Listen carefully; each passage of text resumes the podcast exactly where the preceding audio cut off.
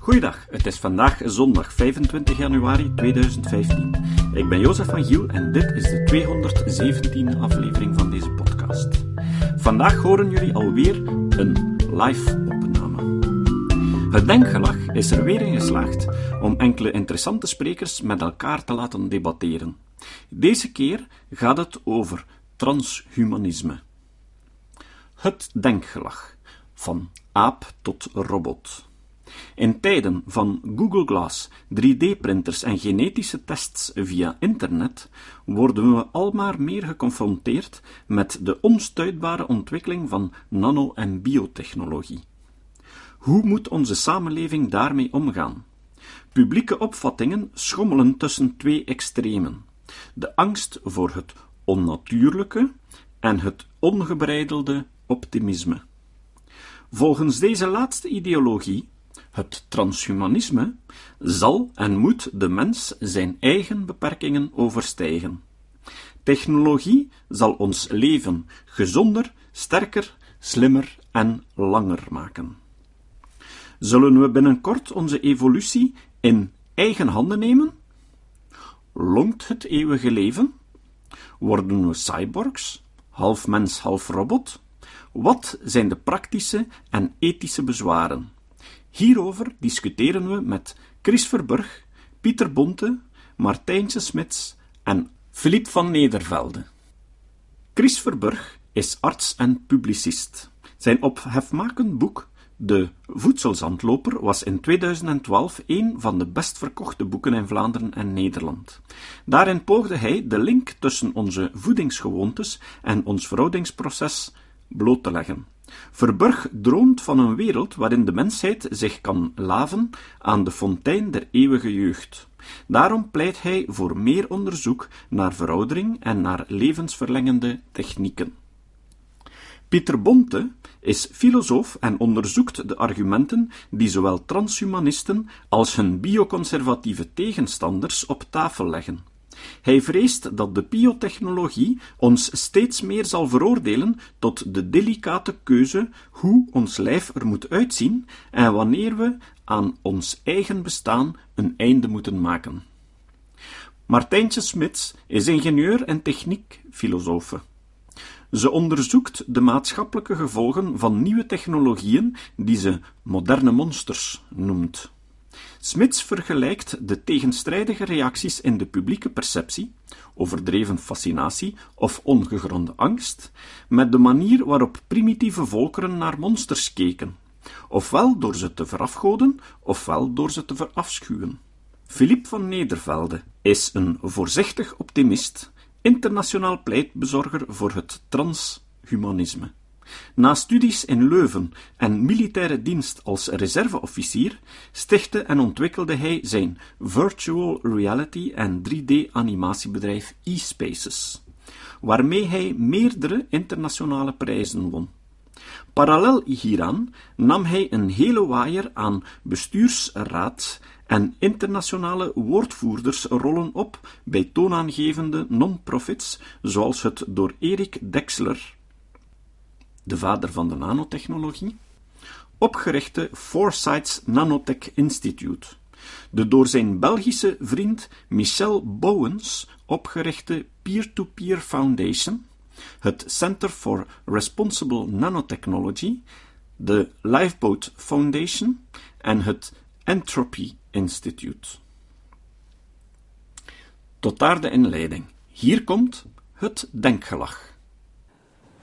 Goedenavond, welgekomen beste mensen op deze denkgelagavond hier in de Centrale. Um, in 2012 is het denkgelag, uh, heeft dat het licht gezien. En dan hebben we een aantal kleinere debatten gehad, ook hier in, uh, in de Centrale, over de vrije wil, over um, God, over het zesde zintuig en zo. En dan vorig jaar, in 2013, zijn we een stapje hoger gegaan. Um, een Denkgelag Royale editie. En dat was met Daniel Dennett. Dat was dan wat groter. En uh, we zullen ook nog een andere grote editie hebben nu in, uh, in januari 2015. Dus voor de geïnteresseerden. Dan komt in de stad Schouwburg in Antwerpen Richard Dawkins samen met um, Lawrence Cross, die er vorig jaar ook bij was.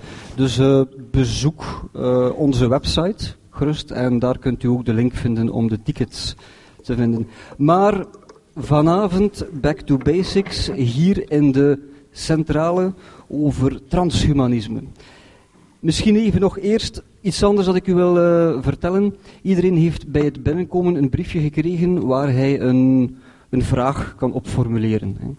Dus gedurende het debat kan het zijn dat er uh, een vraag komt opborrelen en dan mag u dat neerpennen. Laat dat papiertje dan rustig naar voren komen hier. Hè.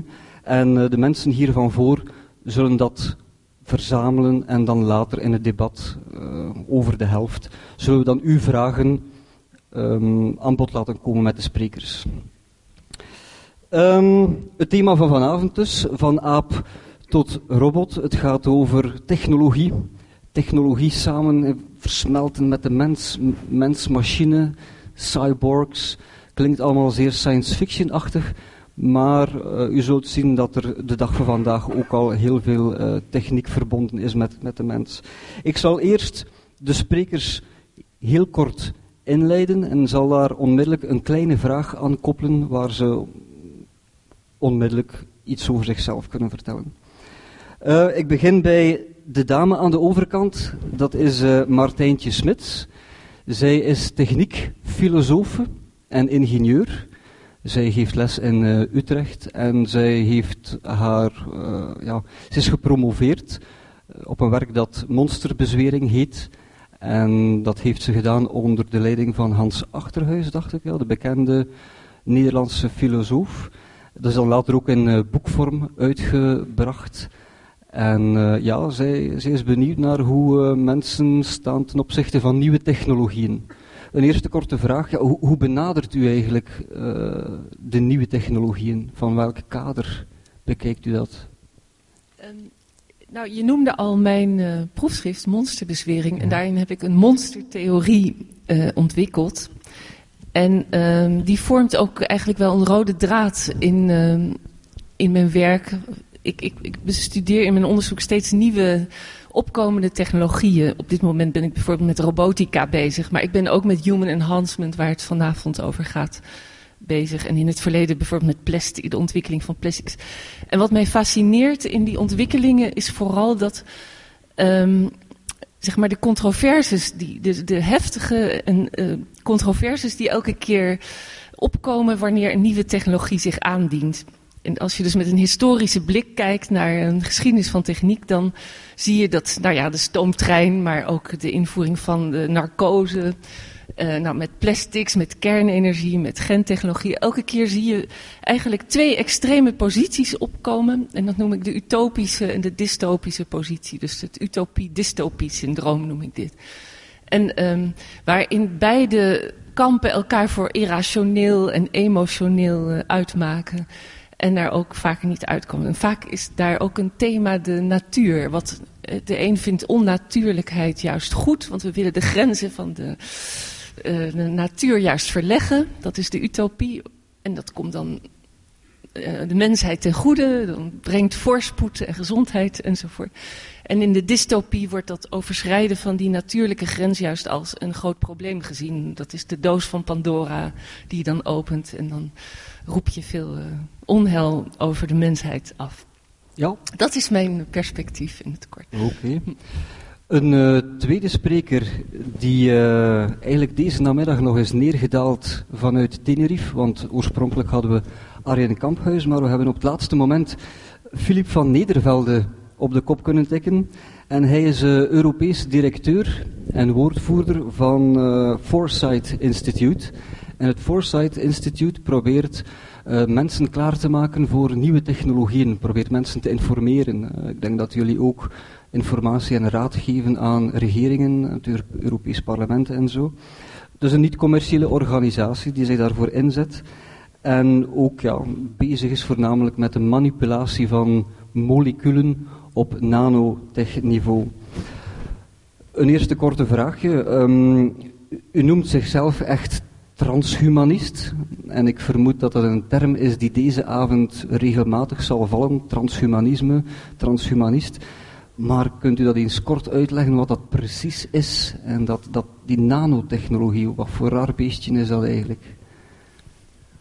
Dus het uh, transhumanisme is de op wetenschap gebaseerde overtuiging dat de biologische beperkingen van de mens kunnen overstegen worden, kunnen overwonnen worden, dat we er kunnen van bevrijd worden door middel van medische en andere spitstechnologieën, waaronder nanotechnologie. En dat door middel van die technologieën we de, niet alleen die biologische beperkingen kunnen overstijgen, maar dus dat we uh, veel verder kunnen gaan dan wat uh, de mens tot dusver kon doen. Uh, meer bepaald zijn de hoofdthema's binnen transhumanisme levensduurverlenging en bij voorkeur extreme levensduurverlenging. En er zijn heel wat transhumanisten die niet aarzelen om, zoals het woord, onsterfelijkheid, hetgeen een technisch niet helemaal uh, precies woord is, maar er zijn veel die niet aarzelen om dat woord in de mond te nemen. Onsterfelijkheid, uh, maar ook um, waaronder uploading of uh, zich laten invriezen om uh, een... Up uploading is dat je op dat, een dat schijf een... upload eigenlijk. Ja. ja, dat is inderdaad... Je kan het op verschillende manieren, of je zal het waarschijnlijk op verschillende manieren kunnen doen. En men is uh, aan onderzoek en ontwikkeling daarvan, uh, daarvoor bezig. Maar dus uh, dat is een van de manieren waarop dat je quote-unquote onsterfelijk zou kunnen worden. en dus een van die belangstellingspunten van, en thema's van transhumanisten en het transhumanisme. Andere grote thema's zijn de verbetering van de capaciteiten van de geest, van, de menselijke, van het menselijk brein. Een, grotere bandbreedte voor het denken. Ook sneller denken en parallel denken enzovoort. groter geheugen enzovoort. Dus het is niet alleen de, de, fysieke, maar ook de mentale capaciteiten van de mens die, um, die men zoekt te verbeteren.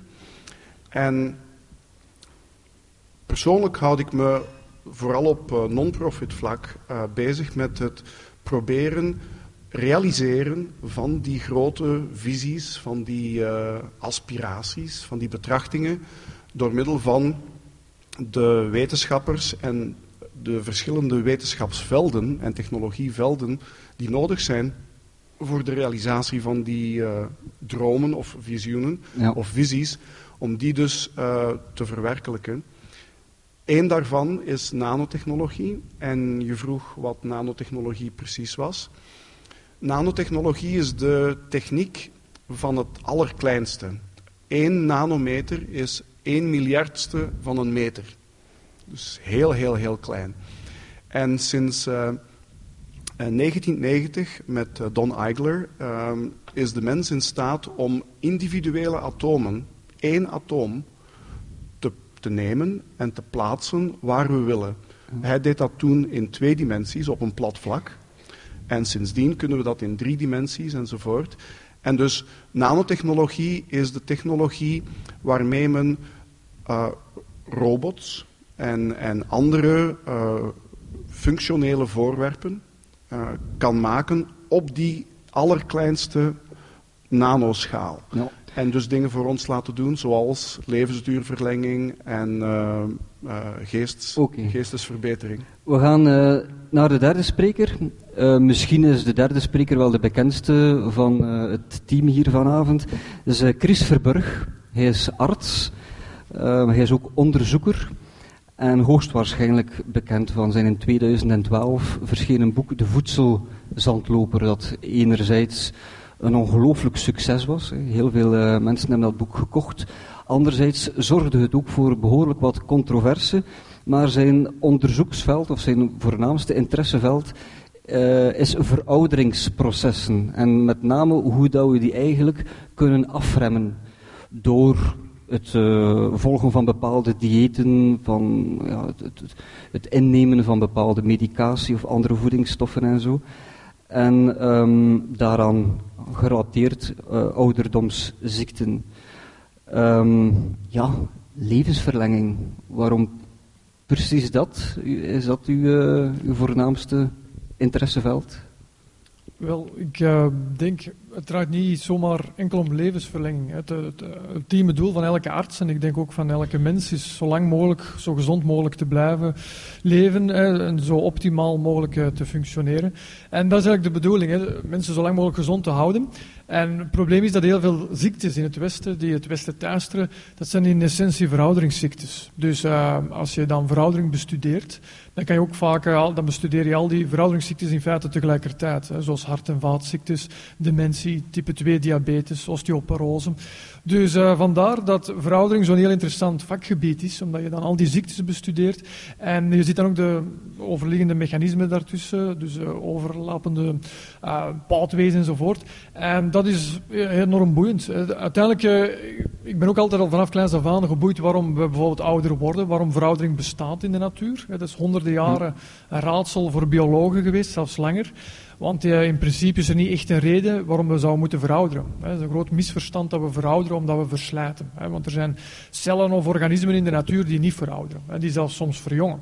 Maar goed, uh, uiteindelijk begin 20e eeuw, allee, halverwege 20e eeuw hebben we ontrafeld waarom we nu precies verouderen. En, uh, en uiteindelijk, ja, als arts is het gewoon enorm boeiend. Omdat, ja, zoals ik zei, heel veel ziektes zijn uiteindelijk verouderingsziektes. Dus eigenlijk de bedoeling is, als je veroudering bestudeert, om mensen zo lang mogelijk gezond te houden. Ja. Oké.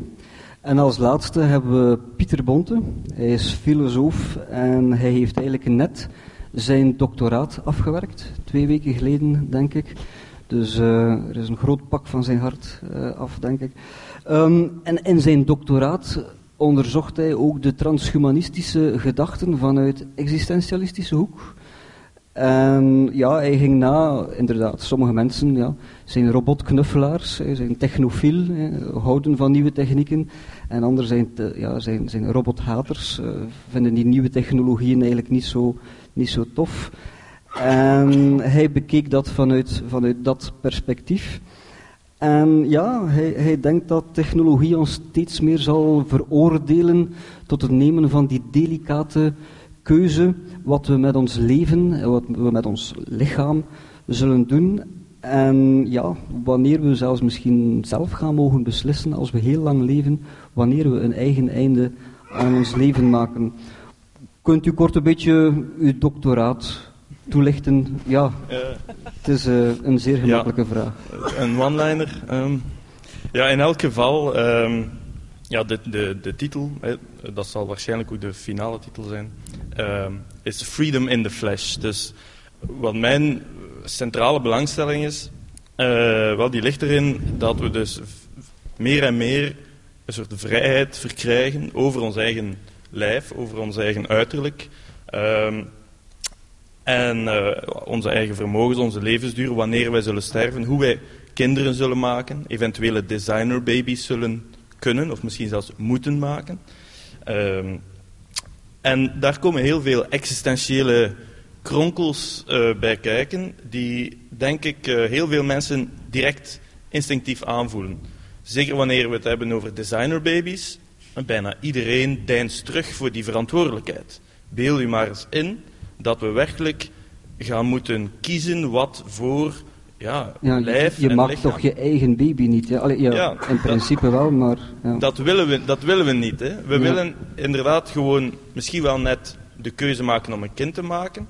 En dat is al dramatisch genoeg. Meer verantwoordelijkheid, meer vrijheid willen we echt wel niet.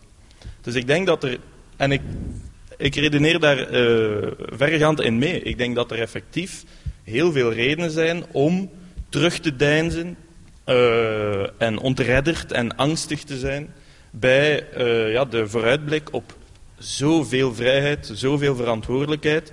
En wat daarbij komt kijken, ja, zoveel schuldgevoel, zoveel keuzestress, eh, zoveel verantwoordingsplicht. Eh, mensen willen, denk ik, en emotioneel psychologisch terecht, zich voornamelijk begrijpen als een speelbal van de natuur, van omstandigheden, zodat ze zelf niet te veel schuld eh, en verantwoordelijkheid dragen. Ja. Dus eh, om terug te komen op eh, wat Martijntje in het begin zei. Ja, mij lijkt het dat we nu ons moeten beraden, niet zomaar over de dood van God. Misschien was dat al bij al redelijk gemakkelijk. Uh, maar ze hebben nu te maken met een soort dood van de natuur. De natuur is niet meer het, dat het een lot is voor ons, maar ja, is iets dat wij zelf gaan mogen kunnen hervormen. Ja. Um, en wie wil dat nu eigenlijk? Ja. Ik niet eigenlijk. Ja, sommigen wel. Hè. We zullen daar uh, ja, in ons eerste thema een beetje verder op, op doorgaan, eigenlijk, die, die technologische verbeteringen, wat er eigenlijk allemaal mogelijk is. En ik zou eigenlijk heel, heel feitelijk willen beginnen. Hè.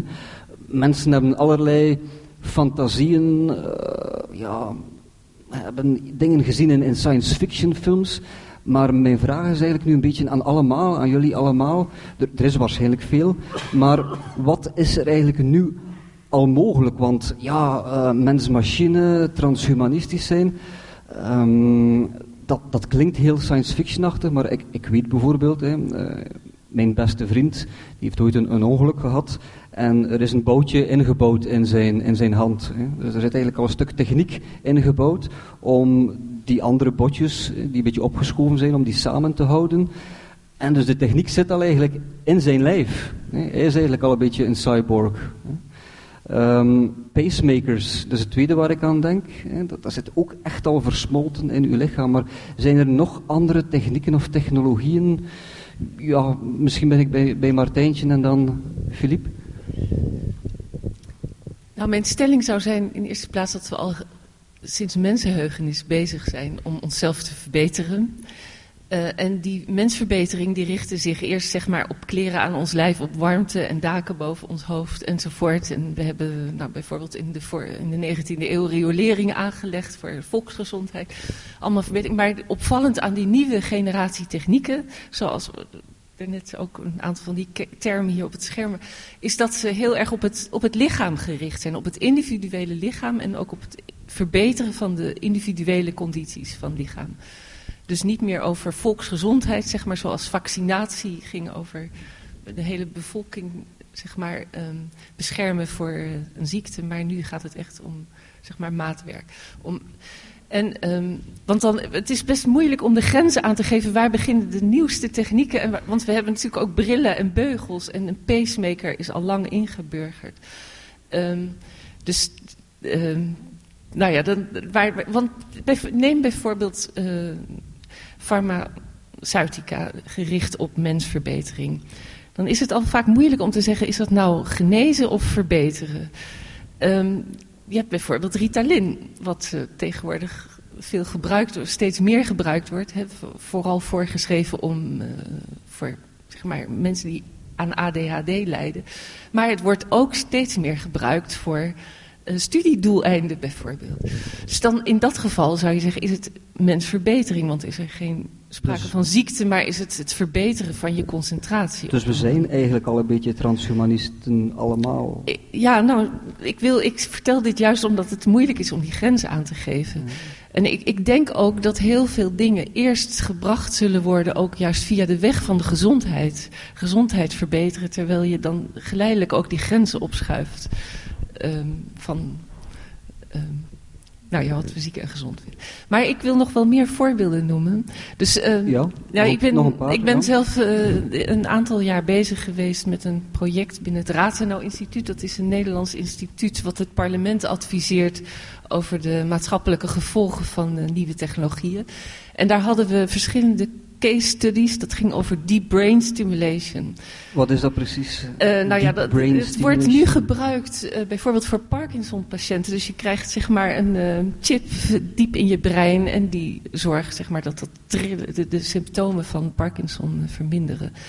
En, um, maar dat kun je ook inzetten, bijvoorbeeld om je stemming te verbeteren. Want een, een onverwacht neveneffect van die deep brain stimulation is dat je je stemmingen erdoor veranderen. En dat je daar ook bepaalde controle over kunt krijgen. Dus je zou het ook bij depressie in kunnen zetten. Hmm, ja. En er zijn zelfs verzoeken zeg maar, van rijke mensen om zo'n apparaatje ingebouwd te krijgen om dat ook daadwerkelijk te doen. Ja, dat klinkt interessant. Ja. Maar hier zie je ook alweer die verschuiving tussen een middel wat voor een, een ziekte gemaakt is, wat ook nieuwe doelen krijgt. En we hebben toen ook uh, sportdoping onderzocht. Um, dus genetische doping, zeg maar. En prenatale genetische diagnostiek. En dat is zeg maar een van de technieken die voor die designerbaby's van belang is. Dus waarbij je uh, uh, een, een, een, al niet het embryo, maar zeg maar de, de, eicel of de bevruchte eicel test op uh, bepaalde um, ziektes. Maar dat zou heel ver kunnen gaan. Stel dat je een, een muzikaliteit, zoals dat dat op één gen is, wat in het algemeen niet is. Dus je mhm. kunt maar op heel, er zijn heel weinig monogenetische eigenschappen. Maar dat was het idee, de, de angstdroom ook, van we gaan een kleine Mozart maken als we dat hebben. Ja. En dat is iets wat al daadwerkelijk uh, plaatsvindt. En waar, de prenatale genetische diagnostiek. Maar nu gaat het over Huntington bijvoorbeeld, of over in Nederland is een paar jaar geleden goedgekeurd dat uh, bijvoorbeeld het borstkankergen, daar kun je ook op testen, dat is ook een monogenetische eigenschap. Mm. Dat je daarop, als dat in de familie zit, kunt laten testen. Ja. Misschien Filip van Nedervelde, u uh, kent waarschijnlijk nog een aantal, omdat u er diep in zit, diep mee bezig bent, uh, een aantal technologieën die nu al bestaan, mogelijk zijn, beschikbaar het is een ongelooflijk lange waslijst van dingen die al uh, kunnen. Uh, wij, leven sinds de Tweede Wereldoorlog in een ongelooflijk gouden tijdperk van technologisch-wetenschappelijke ontwikkeling. Die als men Ray Kurzweil en, en anderen en hun uh, systematisch exponentiële groeicurven mogen geloven, steeds sneller en steeds meer elkaar ook kruisbestuiven en uh, nieuwe ontwikkelingen mogelijk maken. Een, uh, een, een, paar voorbeelden. En dat gaat ook weer in de zin van verder gaan dan enkel genezen. Um, je hebt, er was een foto eerder van die, die renner die dus met uh, kunstmatige of bionische ledematen... Oscar Pistorius, die, uh, ja, die, die, dus, zijn vriendin... Die dus moet beperkt worden... Tegengekomen is, ja. Toen hij nog niet uh, moordzuchtig was. Ja. dus die ledematen moeten al beperkt worden, zodanig dat ze geen betere prestaties dan normale atleten leveren. En dus vergelijkbaar kunnen blijven en, en competitief. Maar Ehm, voor in de, bij mensen die geparalyseerd zijn, quadriplegie, uh, volledig uh, geparalyseerd zijn, is men nu in staat bijvoorbeeld door een computer-brain interface te maken, waarmee de patiënt een robotarm met heel grote verfijning te manipuleren. Mag ik u onmiddellijk onderbreken, want we hebben daar eigenlijk een filmpje over. Nu het aanhaalt, hè, u zult een aap zien die inderdaad um, een arm uh, bestuurt, gewoon doordat hij zijn brein geconnecteerd is. Hè? Dus van aap tot robot, voilà. Volgende keer horen jullie wat er precies met die aap gebeurt. Het citaat. Vandaag horen jullie weer een citaat van Alan Turing. In de eerste helft van de 20e eeuw en bij de geboorte van de computer zei Turing: Ik geloof dat aan het einde van de eeuw het algemene gebruik van woorden en algemene geïnformeerde opinie zo sterk zal veranderd zijn dat je het over denkende machines kan hebben zonder te worden tegengesproken. Tot de volgende keer. Deze podcast is het resultaat van het werk van veel mensen. Rick de Laat verbetert bijna al mijn teksten en maakt de meeste vertalingen. Emiel Dingemans verzorgt onze website en Facebookpagina. Ook Leon Korteweg en Stefan Sutens schrijven, vertalen of verbeteren soms artikelen. Leon onderhoudt bovendien het YouTube-kanaal van deze podcast. De muziek van de intro en de trailer heeft Nick Lucassen geschreven en soms maken we ook gebruik van muziek van Ad van Nederpelt, die ons zijn prachtige composities ter beschikking stelt. Dit was de podcast Kritisch Denken. Vergeet niet om alles kritisch te behandelen, ook deze podcast. Voor verdere informatie over deze podcast, links en voor de tekst, surf naar www.kritischdenken.info. Als je deze podcast belangrijk vindt, kun je me steunen door anderen warm te maken ook eens te luisteren. Stuur een e-mail naar vrienden met een link naar de website en plaats de link in de handtekening van je e-mails. Tevens kun je op iTunes deze podcast een beoordeling geven of een recensie schrijven. Of je kan op je eigen website of blog een link naar kritisch denken plaatsen.